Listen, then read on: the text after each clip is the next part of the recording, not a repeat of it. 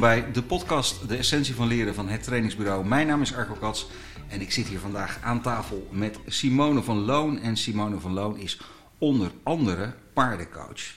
Maar voordat we het, uh, daar gaan we het ook over hebben, over uh, dat uh, prachtige middel wat je kan gebruiken om ja, dingen te ontdekken. Maar voordat we het gesprek daarover gaan hebben, zal ik eerst Simone even voorstellen.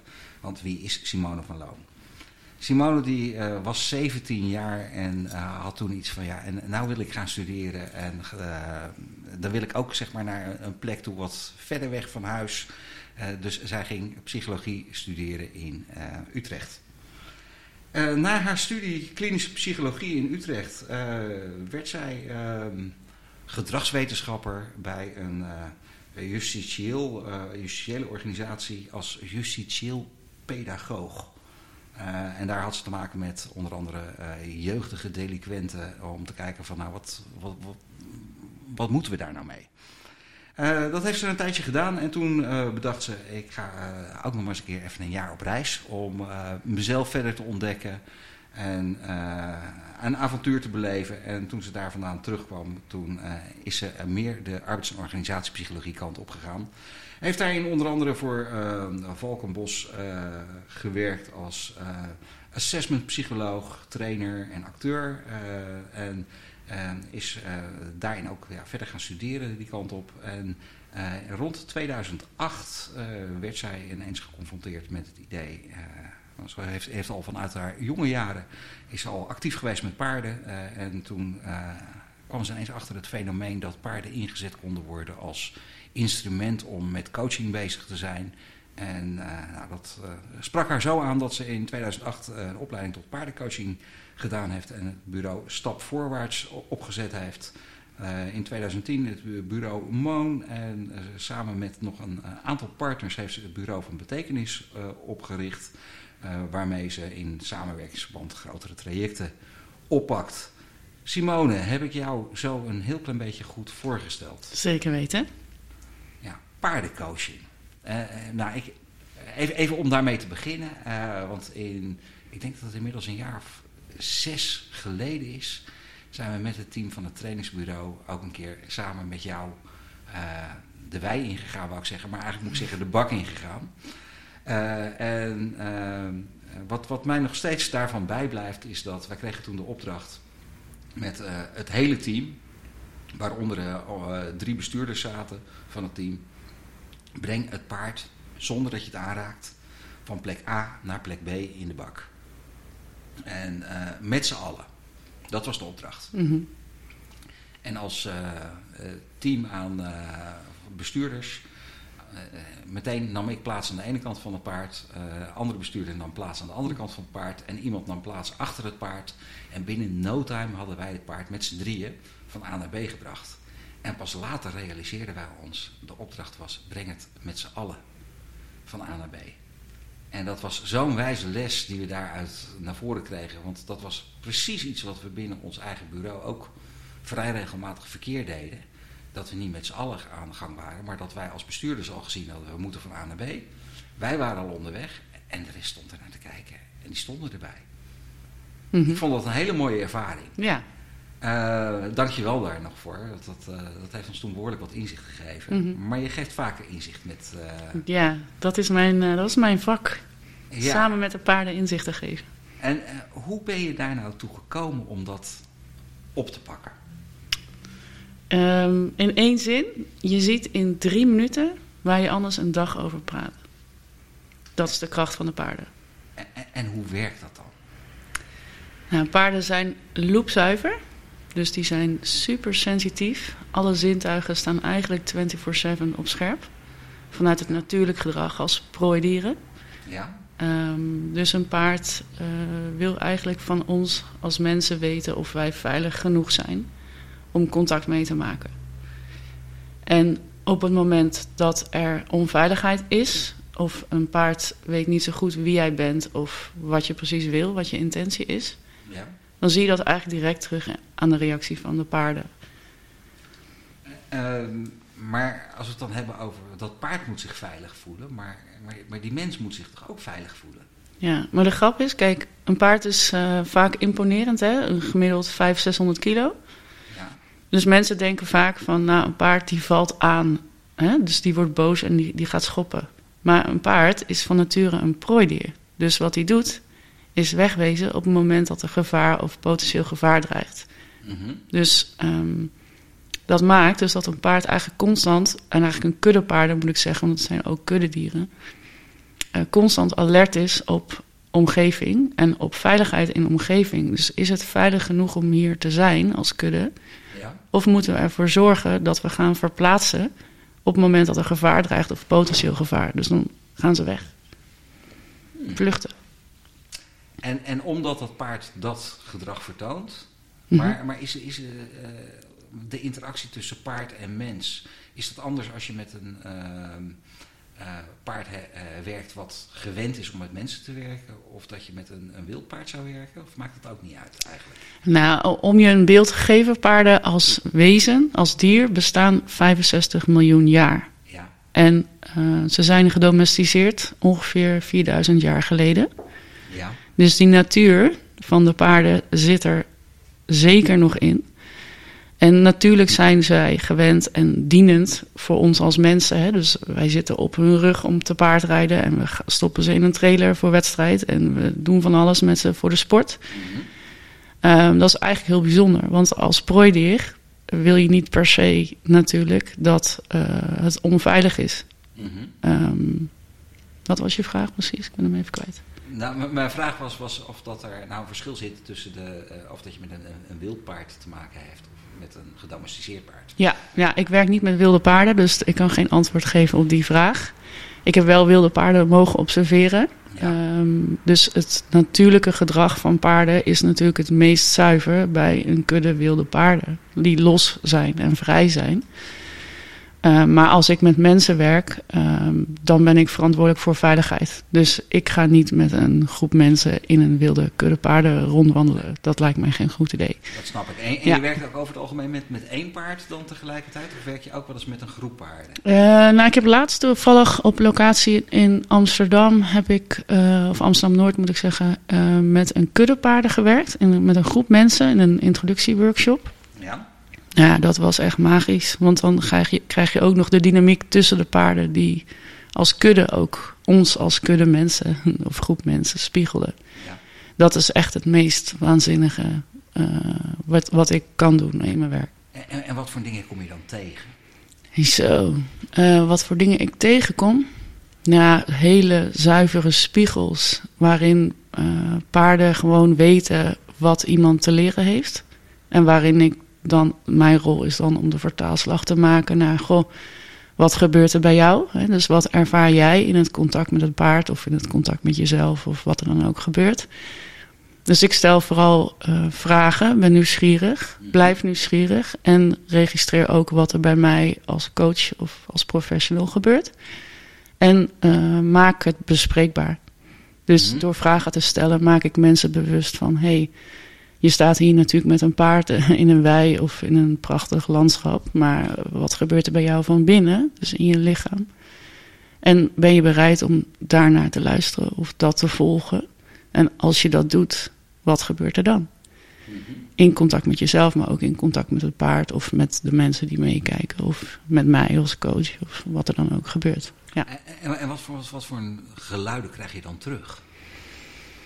Geluiden? Wat, geven mensen je terug aan feedback daarop? Nou, meestal zijn ze sprakeloos. Ja. Ja, ik, ik zie het vooral aan gezichtsuitdrukkingen. Ik, ik moet nu denken aan een, aan een klant van mij die gewoon zo'n gave ervaring had. Zijn ogen werden gewoon twee tinten lichter na die ervaring. Dus hij uh, was een jonge manager, vrij uh, terughoudend. Ja. En ik daagde hem uit om uit zijn comfortzone te gaan. Er waren wat collega's bij. Het was van een grote corporate.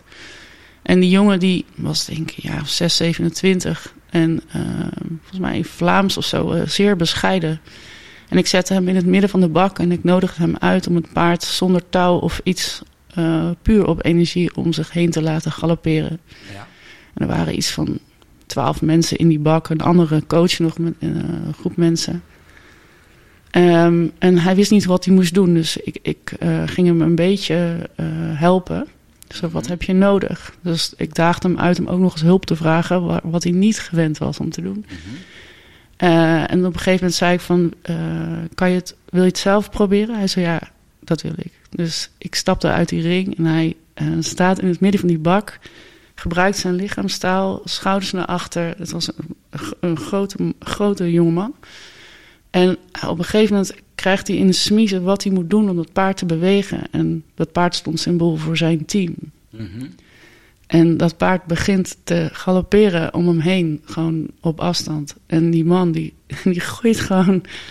Ja, en, en iedereen was flabbergasted. Gewoon, eh, en, eh, je zag hem gewoon groeien en helemaal in zijn element zijn. En dat was nou precies wat ik zag aan die jongen. Van bescheiden is een kwaliteit, maar te bescheiden zet ehm, ja, geen zoden aan de dijk binnen jouw rol. Hè, naar wat er wordt, van jou wordt verwacht.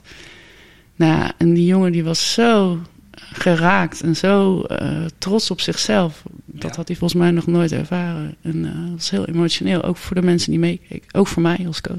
Dus, dus, eigenlijk iemand die daar ontdekt dat hij een, een innerlijke power heeft. Ja. Ja. Waar hij eigenlijk niets voor hoeft te doen. Ja. Het alleen maar toe te laten. Ja, dat, dat, dat, dat. Ja.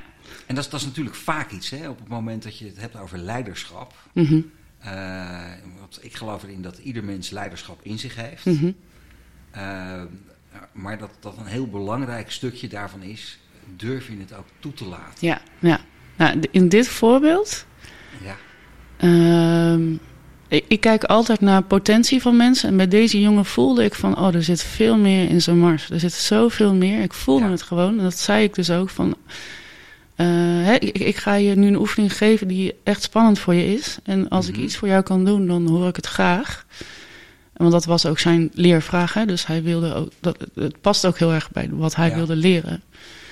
En ik voelde gewoon van, oh man, kom op, je kan het. Dus een klein beetje stretchen, een klein beetje stimuleren. En hij gaf zelf aan van, nu kan ik het zelf. En dat paard galoppeerde om hem heen. En het was zo'n gave interactie, heerlijk.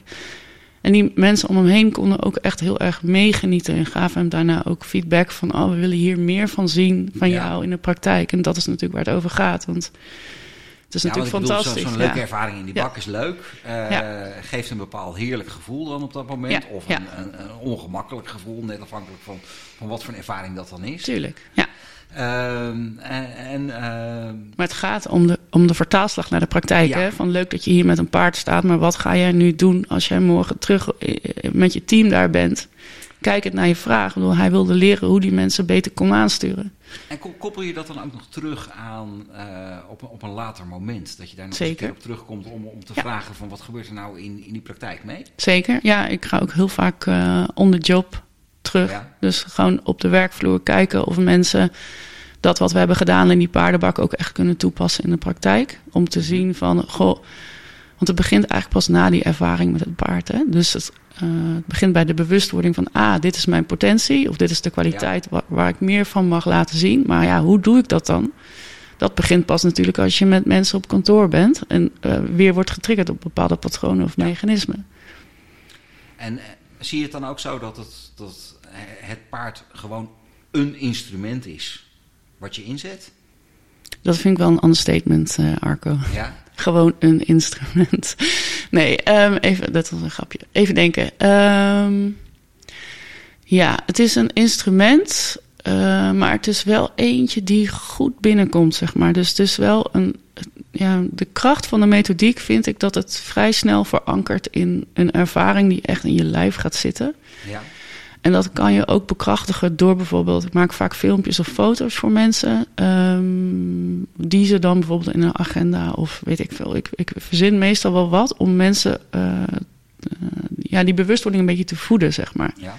Dus ik heb bijvoorbeeld één eh, vrouw die was vorige week bij mij en die, nou, die, die, die is nu drie keer bij me geweest of zo. En die heeft een foto van, van mijn eigen paard eh, altijd bij zich, zodat het haar herinnert aan dat wat zij heeft geleerd in contact met dat paard. Wat Mhm. eigenlijk natuurlijk gaat over het contact met zichzelf.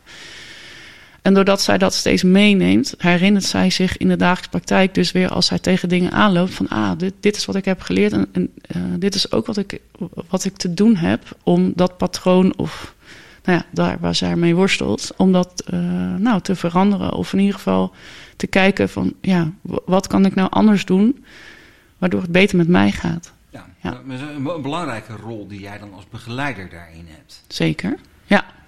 Uh, want uh, ik, ik, weet niet of, of, dat jij dat, die uitzending toevallig ook gezien hebt van Arjen Lubach, waarin de coaches op de hak genomen werden. Nee, ik heb hem niet gezien. Ik heb wel allerlei berichten over gehoord, maar ik heb besloten om me daar niet al te veel mee te bemoeien. Ja, want er zijn best wel wat, wat, wat oordelen of vooroordelen, laat ik het dan zo, zo vooral zeggen, mm. over dergelijke instrumenten. Dat mensen zeggen, oh, ja, maar dat ga ik niet doen. Mm -hmm. uh, hoe kijk jij daar tegenaan? Ik vind, ik, wat ik heb geleerd van mijn mentor, ja? weerstand is een schat. Ja?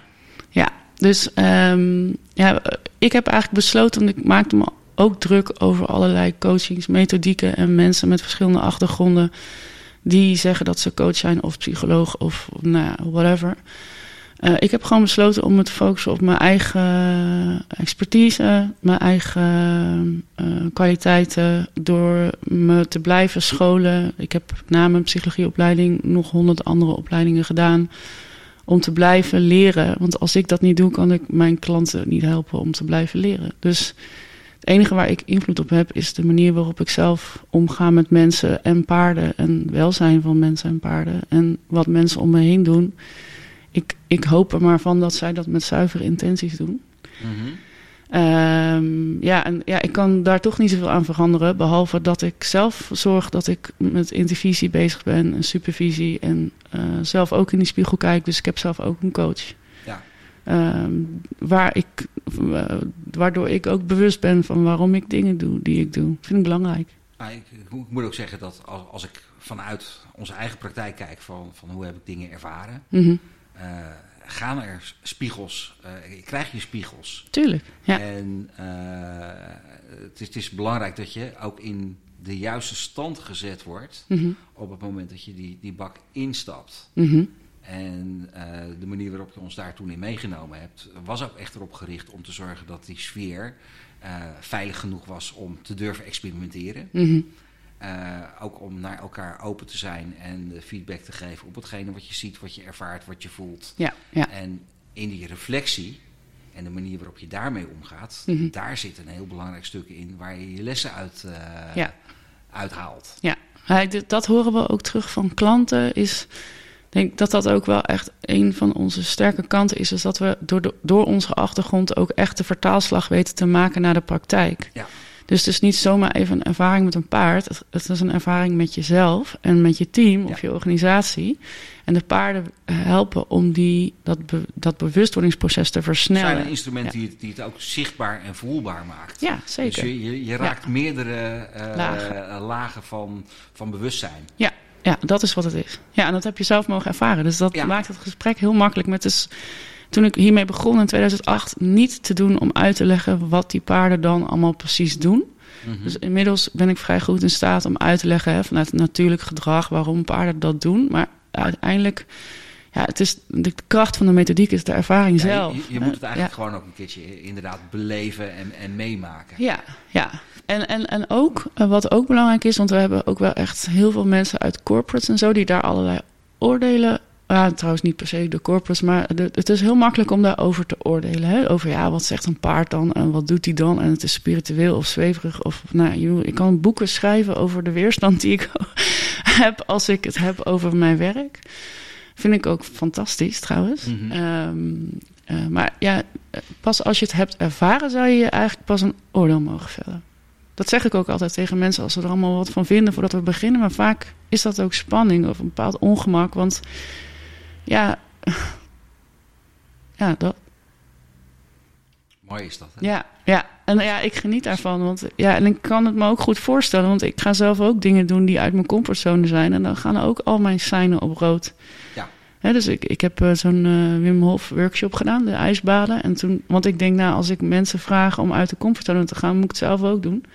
Dus drie jaar geleden besloot ik om in een ijsbad te stappen. Nou, toen wist ik precies waarom mijn klanten zo staan te bibberen als ze bang zijn voor paarden. Ja, dat had niks met bibberen van de kou te maken. Nee, precies. dat was mijn eigen mindset. Ja. Ja. Ja, it's all in your mind. Ik hoor het haar nog zeggen. Ik denk, oh ja. Ja, dus het is wel heel mooi om, om op zoek te gaan constant naar die, eh, ja, zeg maar dat je in verbinding blijft ook Mhm. met degene die bij jou die bakken instapt. Zeker weten. Want Ja. Als jij niet meer weet wat het is om uit je comfortzone te stappen, Ja. eh, hoe kan je iemand dan daar op een veilige manier in begeleiden? Ja, precies. Precies. Ja, en weet je, kijk, ik ben, ben mijn hele leven lang al met paarden. Dus eh, ik ben zelf niet bang. Maar als ik een, eh, een paard zie die helemaal in de stress zit en eh 1,70 meter eh, 70 is en aan de knetter gaat. Ja, dan snap ik wel zeg maar, wat het gevoel is wat mensen hebben als ze bang zijn voor paarden of niet zoveel ervaring hebben. Hè? Dus dan ben ik ook op mijn hoede, want paarden kunnen ook onvoorspelbaar zijn. Of schrikken, omdat ze prooidieren zijn. Dus, en dan heb ik mijn hele leven lang ervaring met paarden. Dus ik kan me heel goed voorstellen dat mensen bang zijn of geïmponeerd zijn. Tuurlijk. Ja. Maar Ze, ze, zijn ook, ze zijn ook best hard, die hoeven van paarden. Weet ik uit ervaring. Ja, maar als je weet waarom ze die gebruiken, zo nu en dan, dan wordt het echt een stuk minder angstig. Hopelijk. Ja, ik, heb, ik heb zelf nog eens een keertje, al heel lang geleden. Je gaat dan niet Zat- een eng verhaal vertellen nu, hè? Dat, Ja, eh, heel nee. erg verhaal. Zat, zat ik op zo'n Shetland ponytje. En, en ik reed naast mijn vader, die op een, een groot paard zat. Ja, En op een gegeven moment gebeurde er iets waardoor dat grote paard naar die Shetland pony trapte. oké. Ja. En tussen die Shetland pony eh, en dat, de hoef van dat paard zat mijn voet. Ja, ja, ja. Ja, lullig. Dat was, eh, dat was best pijnlijk. Yo, ik ben in mijn leven al twintig eh, keer van een paard afgedonderd. Eén Ja. keer achteruit de sloot in. Dus ja, ik, ik weet wel hoe dat werkt. En paarden zijn echt wel bang. Want het zijn Ja. prooidieren. Dus als er iets eng is, dan gaan ze daarop reageren. En Ja, het belangrijk is dat je weet van waar zou een paard op kunnen reageren. En als dan net je voet of weet ik het, Dat, ertussen is zit. dat doet dan pijn. Ja. Ja. dat hoort er ook bij. Maar, ja. maar het, het fenomeen dat, dat paarden bang zijn, eh, is dat ook iets wat, als je, als je de vertaalslag maakt, hè, van, Mhm. vanuit coaching met paarden, Mhm. naar het, het eh, leiding geven aan een team mensen in een organisatie. Mhm. Eh, zitten er ook binnen heel veel teams ook vaak verborgen angsten waardoor mensen onvoorspelbaar reageren? Wat denk je zelf? Ik ga geven. Ik stel de vraag aan jou. Ja, ja, nee, zeker. Eh, maar ik denk dat, kijk, eh, paarden hebben geen filters. Dus zij zijn niet gevoelig voor sociaal wenselijke toestanden of voor. eh, nou, be- mensen die, die kunnen vrij goed doen alsof. Hè? Of Mhm. dat nou bewust is of onbewust. Of we hebben natuurlijk allemaal onze ervaringen in het leven. Ehm, wat maakt dus dat je je soms wel authentiek bent of eh, jezelf echt laat zien en soms niet. Hè? Dus daar hebben we een keuze in. Mhm. Maar paarden leven in het hier en nu, dus die zijn niet bezig met verleden, zijn niet bezig met toekomst, die zijn gewoon in het hier. En als kudde ehm, zijn zij bezig om te overleven. Dat Ja. is hun gemeenschappelijk doel. Ehm, en mensen zijn op hun manier misschien ook, ook wel bezig met overleven, overleven, maar hebben wel de keuze om wel of niet iets van jezelf te laten zien of van dynamieken. Dus heel vaak is er ook een bepaalde onderstroom in teams, wat vaak wel voelbaar is Ja. eh, of zichtbaar, maar niet per se bespreekbaar. Mhm. Is, het, is het dan Ja. ook zo dat, dat, dat je, eh zeggen we, bij paarden is er eigenlijk altijd één gemeenschappelijk doel, is met z'n allen overleven? En dat je bij teams met mensen, dat je daar vaak meerdere verschillende doels- doelen bij elkaar hebt zitten? Ja, en oh, kijk, mensen hebben natuurlijk niet als, als doel om te overleven per se of een organisatie, hoewel. Nou ja, Soms wel, hè? Ja, soms Ja. wel. Ja, dat is, dat is misschien een andere podcast. Ja, Eh, maar ja, het, het principe is wel hetzelfde. Dus je hebt natuurlijk als organisatie een bepaald doel om voort te bestaan. Laten we dat woord Ja. dan gebruiken. En iedereen heeft daar een bepaalde rol of bijdrage in. Alleen soms zijn die rollen of bepaalde bijdrages niet helemaal duidelijk. Of zijn er informele rollen. Mhm. En dan sta- ontstaat er vaak ook ruis in de, eh, op de lijn. Hè? En Ja. dan vlieg ik vaak in, eh, omdat mensen dan minder goed in staat zijn om met elkaar te communiceren, ondanks goede bedoelingen. En ontstaan er conflicten of eh, toestanden ehm, nou, die niet wenselijk zijn. Ehm, en ja, als psycholoog, coach, teamcoach eh, ben ik ehm, ja, ik zeg altijd meerzijdig onpartijdig. Dus ik ben Mhm. neutraal en het enige wat ik doe is zichtbaar maken of, en bespreekbaar helpen maken. Wat gebeurt er nu tussen jullie? Mhm. Helpt dat? Hartstikke goed. Helpt dat niet? Oké, wat gebeurt er dan precies? En wat kunnen jullie nu in, op dit moment doen om meer met elkaar in gesprek te zijn, als jullie dat willen? Mhm. Of ehm, nou ja, de bepaalde patronen te doorzien. En ehm, nou, als je die doorziet, als je bewust bent van die patronen, dan kan je er ook iets mee. Dus het begint altijd met bewustwording. En Mooi. van daaruit kun je kijken van oké, hoe kunnen we het anders aanvliegen? Of hoe kunnen we het op een andere manier met elkaar afspreken? Of hoe kunnen we leren hoe we dingen meer kunnen uitspreken, zodat we niet een teamcoach nodig hebben om dat te doen. Dan Mhm. kunnen we het zelf doen. Daar maar- ben ik wel van. Ja. Want eigenlijk, is, eigenlijk is het natuurlijk ook altijd een doelstelling om te zorgen dat je overbodig wordt. Ja, zeker weten. Ja, ik geloof absoluut in zelfredzaamheid van mensen. Dus ik, ik, ik ben alleen een voorbijganger en ik wil eigenlijk zo snel mogelijk ook weer weg uit die organisatie. Gewoon, oké, wat is er nodig? Hoe kan ik begeleiden? Of wij, hè, we zijn met een team van vijf mensen. Mhm. Eh, en als mensen het zelf kunnen, ja, wie zijn wij dan om daar nog te blijven hangen? Weet je, dat is helemaal niet nodig. Dus eh, tenzij het wel nodig is, dan denken we graag mee. Maar ja, ik, ik geloof in dat mensen het wel zelf weten, alleen ze kunnen er nog niet bij. Mhm. Hè? Dus van binnen weet je alles. Dat vind ik een hele mooie uitspraak. Van Ja. binnen weet je alles. Ja, dat is de titel van een boek van mijn grootste inspiratiebron. En wie is dat? Annette van Laar. Annette van Laar. Ja. En de titel van dat boek is Van binnen weet je alles. Klopt. Ja, gaat over lichaamsbewustzijn.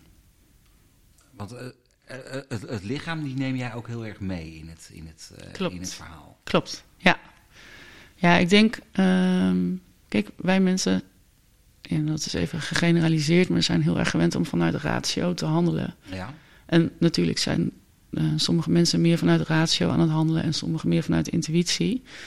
Ehm, maar waar ik in ben opgeleid en waar ik ook heel erg in geloof, is dat het het mooiste is als je in eh, eh, ratio en gevoel of ratio en intuïtie in balans zijn met elkaar. Mhm. Dus dat je niet alleen vanuit hoofd leidt, hè, dus met een eh, korte ei, Ja.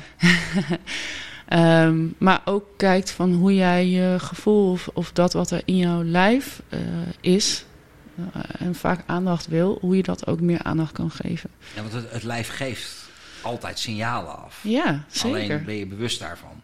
Ja, dus het, ja en, en bewust, dat is één stap, maar ook ben je bereid om er naar te luisteren. Hè, Mhm. dus, eh, en ik spreek ook voor mezelf, want soms heb ik aan het einde van de dag pas echt door eh, dat ik koppijn had de hele dag. Ja.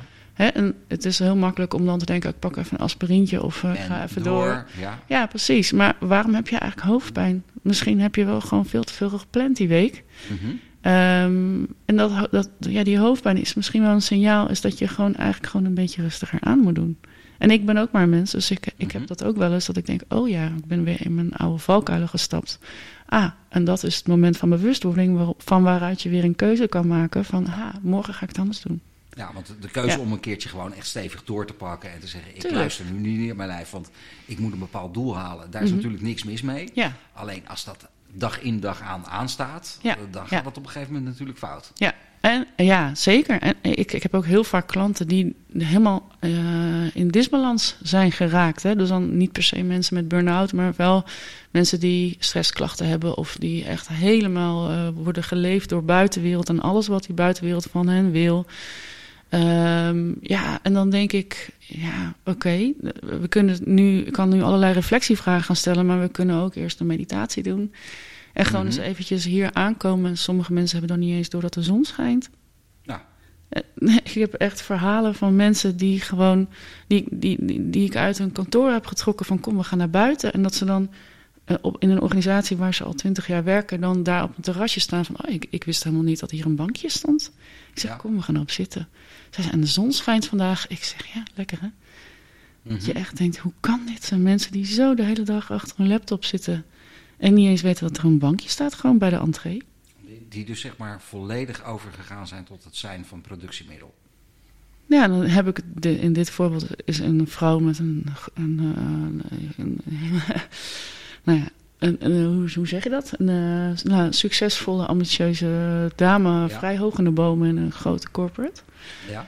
Ehm, totaal de weg kwijt en helemaal geen verbinding meer met zichzelf. En die als een soort speelbal in de organisatie overal wordt neergezet bij klanten en totaal niet meer weet. En, en heel goed doet in de organisatie voor de ander. Zeker, Wat, eh, zeker. wat er gevraagd wordt, Ja. maar er zelf eigenlijk niet meer aan deelneemt. En ze genoot van het zonnetje. Ik Ja. zeg, weet je, vanaf morgen kan je vaker gewoon, al is het maar twee minuten, gewoon heel even op dit bankje zitten en gewoon Mhm. even staren naar dat water. Want dat water stroomt toch wel. Ja. Je hoeft niet altijd weer in die stroomversnelling. En afstand nemen en bewust zijn van uitzoomen. waarom doe ik de dingen, wat doe ik, waar wil ik naartoe, waar Ja. wil ik heen. Eh, je, je eigen eh, pad ook blijven wandelen. Ja, zo simpel is het dus eigenlijk. Hè? Dus Ja, maar Ja. dit vraagt wel lef om dat te doen. Zeker als je die veiligheid altijd gehad hebt om je heen. Van, van, als ik dat stukje niet laat zien, krijg ik applaus. ja, is het veiligheid of is het schijnveiligheid? Ja, dat, Ja. dat is. eh, eh, het, het voelt dan misschien heel veilig. ja, ja, ja. Ik, vind, ik vind het altijd een, een, een, een mooie dialoog om die toch te blijven voeren. En voor jezelf ook iedere keer bewust te zijn. Mhm, Maar waar sta je nou zelf? mhm, mhm. Ben je bezig met die dingen waar je eh, het gevoel hebt dat je echt werkelijk iets toevoegt? En ook echt zelf iets toevoegt? Mhm. Of ben je bezig om eh, eigenlijk alleen maar de omgeving te pleasen? Ja, maar dat, dat zie ik zo vaak. Mensen die bezig zijn om hun omgeving te pleasen. En die dan daarmee dus heel erg ver weg geraakt zijn van zichzelf. En waar, waarom ze hier eigenlijk zijn op Ja. deze wereld. Hè? Maar, dus maar, maar even gaan mensen toch ook over je grenzen heen? Na verloop van tijd. Want Of laat je over je- je grenzen heen gaan. als je, als je blijft pleasen, Ja, dan op een gegeven moment, als je wat geeft, wordt er nog wat meer gevraagd. Geef je weer meer, dan wordt er nog wat meer gevraagd. Zolang je je grens niet aangeeft en niet bewust bent van wat je wil. Mhm. Ja ik, ik snap wat je zegt. En tegelijkertijd denk ik, je laat over je grenzen heen gaan. Hè? Dus ja, ik geloof wel ook heel erg in eigenaarschap. En, eh, ja, maar dat vraagt wel ja. bewust, de- de- Ja. dat vraagt wel dat stukje bewustzijn van, ja, maar wat, wat doe wat ik kom dan? ik brengen Ja. en wat heb ik nodig? Ja, zeker, zeker. En dat zijn grote vragen. Dat is niet zomaar even in een coaching, één eh, simpele coaching sessie even bewust gemaakt. Maar het begint ik ben, wel ik ben, er, ik ben er nog steeds niet achter hoor. Nee, ik denk dat dat ook een leven lang dat leren dat, is. Dat eh, ja. vind ik ook een mooi stuk van, van het leven. Hey, Ja. eh, wij, wij hebben eh, normaal altijd eh, de intentie met eh, de podcast om Mhm. die ongeveer een half uur te laten duren. Oh, Weet je dat wij nu al op eh 32 minuten zitten? oh, ik kan zo nog anderhalf uur met je we, we- kletsen. we kunnen hier Ja. nog echt uren over doorgaan. ik vind het in ieder geval heel erg mooi. En, en eh, de ervaring eh, van de paardencoaching was voor ons als team een, ja, een onvergetelijke ervaring. Ik zou zeggen, ik gun dit eigenlijk elk team om dit een keer mee te maken. Met name als je inderdaad heel erg op het rationele stuk over het algemeen zit. Is het, is het een, eh, ja, daar gaat een wereld voor je open door een keer dat, eh, dat, te ervaren. Eh, ehm, en ja, het is natuurlijk wel heel erg van belang om dat dan te doen ook in een omgeving waarin je je veilig kan voelen Mhm. om dat, om, om dat voor elkaar te krijgen. Ja, zeker weten. Eh, en dat zou ik ook zeg maar heel graag wel, wel mee willen geven van op het moment dat je dit instrument wil inzetten. Je, je kan natuurlijk naar, naar Simone toe. Eh, hoe gaan ze jou vinden? Eh, via de website. Ja, en welke website is dat dan? Oh ja, www.bureauvanbetekenis.nl Dus www.bureauvanbetekenis.nl, allemaal aan elkaar. Mhm. En ja, via het trainingsbureau.nl is ook die weg wel te vinden, want we weten elkaar te vinden. Zeker weten. Eh, en ehm, eh, ja, ik weet in ieder geval één ding eh, zeker op het moment dat je met Simone aan de slag gaat, wordt er heel duidelijk rekening gehouden met dat stukje veiligheid. En dat, zo heb ik het in ieder geval zelf ervaren. En dat is- dat is wel een hele belangrijke om die goed op de kaart te hebben, denk ja, ik. ja, alleen dan kun je samen van en met elkaar leren. Daar ben ik van overtuigd. Ja. En eh, ja, het, het, het schept mogelijkheden. Eh, dit was de podcast. eh, als het goed is, krijg ik nou muziekje erbij. Ja, die hebben we erbij. Dit was de podcast. de essentie van leren van het trainingsbureau. En nou, hartelijk bedankt voor het luisteren. Wil je Simone vinden? neem gerust contact op met het trainingsbureau of met het Bureau van Betekenis. En graag tot een volgende podcast.